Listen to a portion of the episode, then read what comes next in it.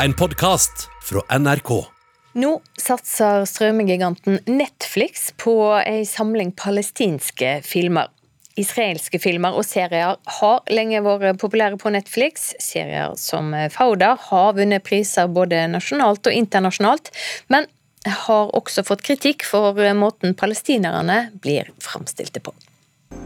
أنا الساعة هاي لا هاي بحب ربنا صار لي من أول ما جيت من هنا vi hører lyd fra dokumentarfilmen A Man Returned. Den handler om en palestinsk mann som reiser tilbake til flyktningleiren i Libanon etter tre år i Hellas, der han har blitt rusavhengig. I leiren bestemmer han seg for å gifte seg. Den prisvinnende filmen er en av 32 filmer som har blitt sluppet på Netflix under kategorien palestinske historier. May Odi er en palestinsk filmskaper som bl.a. har studert film og TV i Norge. Selv om hun husker noe av norsken, vil hun helst prate på engelsk. Hun samarbeidet med Netflix om å lage denne samlingen av de palestinske historiene, og fortelle hvorfor vi burde se disse filmene. Uh, Palestinian lives not a normal life. So uh, any simple story coming from Palestine, it will be extraordinary. Palestinere lever ikke et vanlig liv. Derfor er selv en enkel historie fra Palestina veldig spesiell. Hun garanterer at seere verden rundt vil elske disse filmene.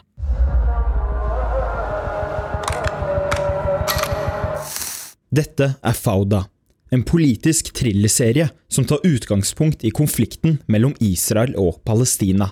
Fauda er arabisk for kaos, og kaos Det finner vi alltid i krig og konflikt. Serien prøver å fortelle to sider av samme historie, og er kreditert for å fremme den palestinske historien like godt som den israelske.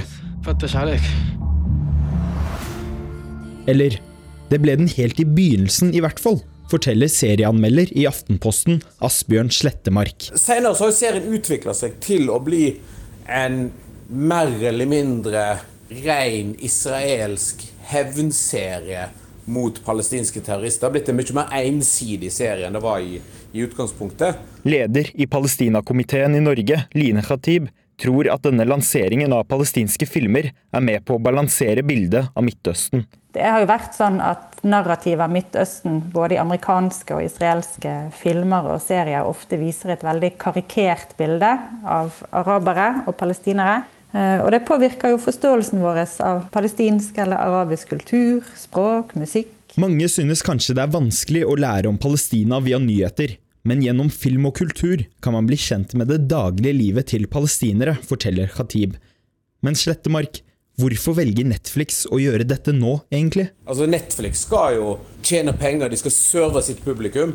Um, en av måtene å serve sitt publikum på, er at de satser tungt på lokalt innhold. De skal finne de beste, mest salgbare og attraktive historiene fra hver eneste lille krok av verden. Og hvis de da tenker at eh, da å by på palestinske historier både kan gi dem et godt rykte, pluss at det kan gi dem godt innhold, og det kan gi dem flere seere, så gjør de det eh, selvfølgelig. Men er det noen av disse filmene du anbefaler oss å se, Hatib? Det er flere. Det er en eh, ganske søt kortfilm som heter The Present, El Hadiya på arabisk. Eh, Salt of the Sea vil jeg anbefale. Eh, 300 meter. Det er, det er, mange gode filmer her, eh, så det er egentlig bare å binge inn.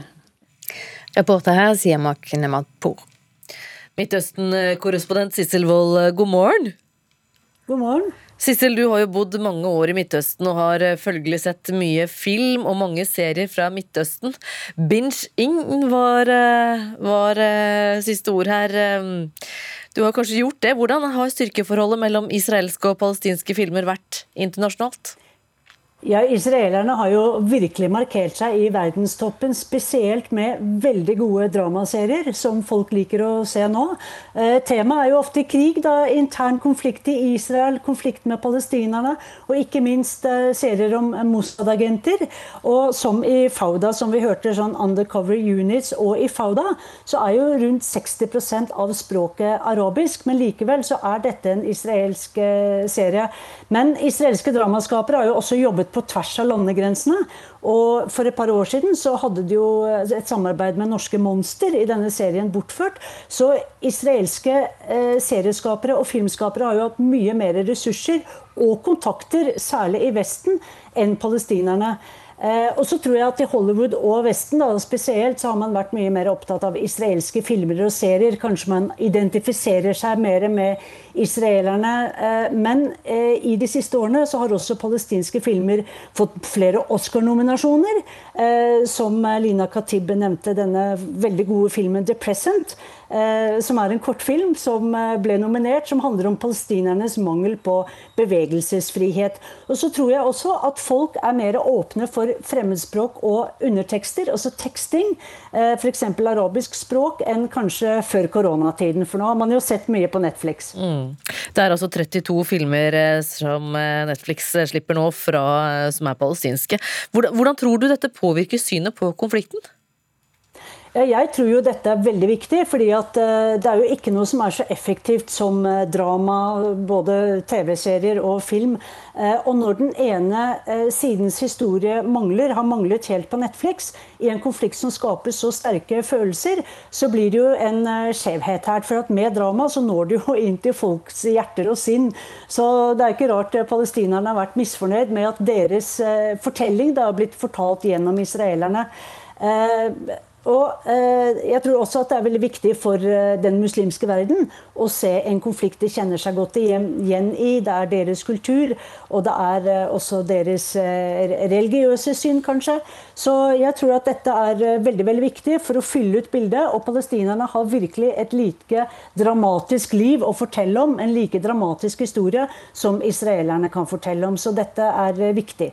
Ja, dette er jo en måte å lære om konflikten mellom da Israel og, og, og palestinerne på, ble det sagt, eh, og som du også er, eh, støtter opp om. Eh, palestinerne har ikke nådd like bredt ut som israelerne, men, men hva slags filmer er det de palestinske regissørene har laget, da?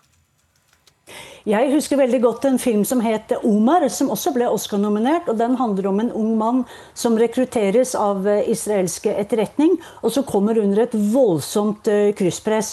Og det er veldig mange palestinere som er informanter for eh, israelerne. Jo, de fleste blir jo tvunget til det. Så det er et veldig interessant tema. En veldig god film. Og så har vi denne The Present, som jeg virkelig anbefaler, som handler om en far og en datter som har kjøpt et kjøleskap i gave til til mor, da, og som ikke kommer gjennom checkpointet fordi israelske soldater lager masse trøbbel. Så ikke sant, Dette handler om deres perspektiver, og det er eh, en veldig viktig del hvis man skal prøve å forstå denne konflikten. En annen film som faktisk en venn av meg har laget kostymer til, var eh, en som ligger på Netflix nå, da, som heter eh, Paradise Now, som faktisk handler om to selvmordsbombere på vei til Tel Aviv. Eh, etter hva jeg husker, så er det en ganske mørk komedie. Men dette er en film som ble laget for ti år siden. Men som tar da perspektivet til palestinerne. Mm. Men så de israelske filmskaperne, da. Hvilke historier forteller de om konflikten som de er en del av? Hvis det går an å si noe om det før tiden løper helt fra oss, Sissel? Ja, det er veldig interessant. Israelske filmskapere, og særlig dokumentarskapere, har jo vært eh, nominert også til Oscar flere ganger for virkelig eh, besk kritikk av sitt eget samfunn, av sin egen okkupasjon. Hvor, eh, hvor liksom filosofien man går ut med etter å ha sett filmene, er at okkupasjon skaper bare mer hat, og det skaper mer altså, vold og hat fra palestinernes side. Og det gir ikke israelerne noe mer trygghet. Så de Filmskaperne er kanskje de som står i front når det gjelder å kritisere den israelske okkupasjonen og politikken mot eh, palestinerne, sikkerhetspolitikken. Så der er det veldig mye interessant å se. Og da må jeg anbefale en film som heter The Gatekeepers. Takk skal du ha, Sissel Wold. Streiken i kultursektoren starta 3.9, og i dag blir denne streiken trappa opp. Og Hva betyr det i praksis, kulturreporter Emily Louisa Milleneide? I dag vil 80 nye gå ut i streik, bare fra Nationaltheatret i Oslo. Og Da er det totalt 891 kulturarbeidere ved 15 ulike institusjoner fra hele landet som er ute i streik. Eh, og dette her er både folk som jobber i teater, opera og musikere i symfoniorkester. Kan du minne oss om hva som er bakgrunnen for streiken? Ja, Bakgrunnen for streiken det er jo uenighet om pensjonsutbetalinger for kvinner sammenlignet med menn. Eh, forhandlingene har jo pågått i hele seks år, men eh, de føler seg fremdeles ikke hørt. Og I dag så trapper de altså opp streiken, og de krever en bedre pensjonsordning som er forutsigbar, kjønnsnøytral og livslang. Og Det er altså LO som da representerer de streikende organisasjonene Fagforbundet, NTL og Creo. Hva betyr dette for eh, publikum? Det kan bety at det blir utsatte premierer og avlyste framsyninger. Mellom annet så avlyste Det Norske Teatret 'Snøsøstera' forrige uke. Og det er også flere juleframsyninger som nå står i fare for å bli avlyste, i hvert fall i Oslo. Takk skal du ha, kulturreporter Emily Louisa Milland Eide. Det er gått over 20 år siden Coldplay slo gjennom med debutplaten Parachutes. På coveret den gangen så hadde de en spinnende globus, men nå har et av verdens aller største band beveget seg opp i verdensrommet.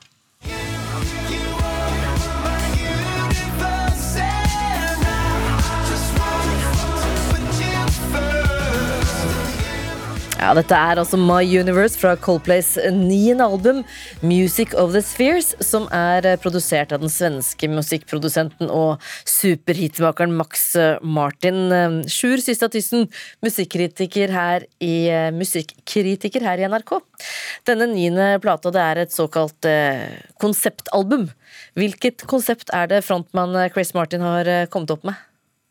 Uh, han, har lett, uh, han, har latt seg inspirere av Star Wars og har rett og slett dikta opp sitt eget solsystem, uh, The Spheres, med planeter og måner og det hele.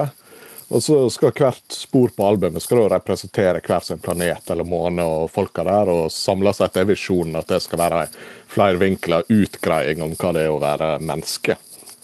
Hvor vellykket vil du si det er? Uh, nei, det er jo det som er problemet, at det er jo ikke vellykka. For uh, mens albumet ønsker å være et episk og helskapelig verk, så kan det egentlig virke som at Coldplay ikke helt klarer å bestemme seg for hva retning de vil gå i, eller om de i det hele tatt vil satse på konseptet. Ja, Hvordan vil du beskrive musikken? Uh, Nei, altså det, det, jeg tenker om der er jo at bandet forviller seg inn i en situasjon der de på den ene sida vil være en progressiv og nesten pompøs utgave av seg sjøl, og på den andre sida vil de holde seg i tråd med trender og sikre at de er relevante. Og Da er resultatet at den eh, røde tråden er fraværende, og en ender opp med en sånn saus av sprikende ideer av ulik kvalitetsgrad, som i beste fall bare sier det om mennesket at det er bra å være snill. Um, men, men altså, dere nevner jo Max Martin, og han har jo gjort en kjempejobb i produsentstolen med å få det hele til å i alle fall låte bra. Men uh, en ville ikke hylle en film om den bare så fin ut, mens manus og skuespill var under middels. For samme hvor mye en pynter et mindre vakkert juletre, så er det fortsatt et mindre vakkert juletre. Og i lengda av gjentatt lytting så holder ikke det. Så hvis vi skal få den eh, endelige dommen, da?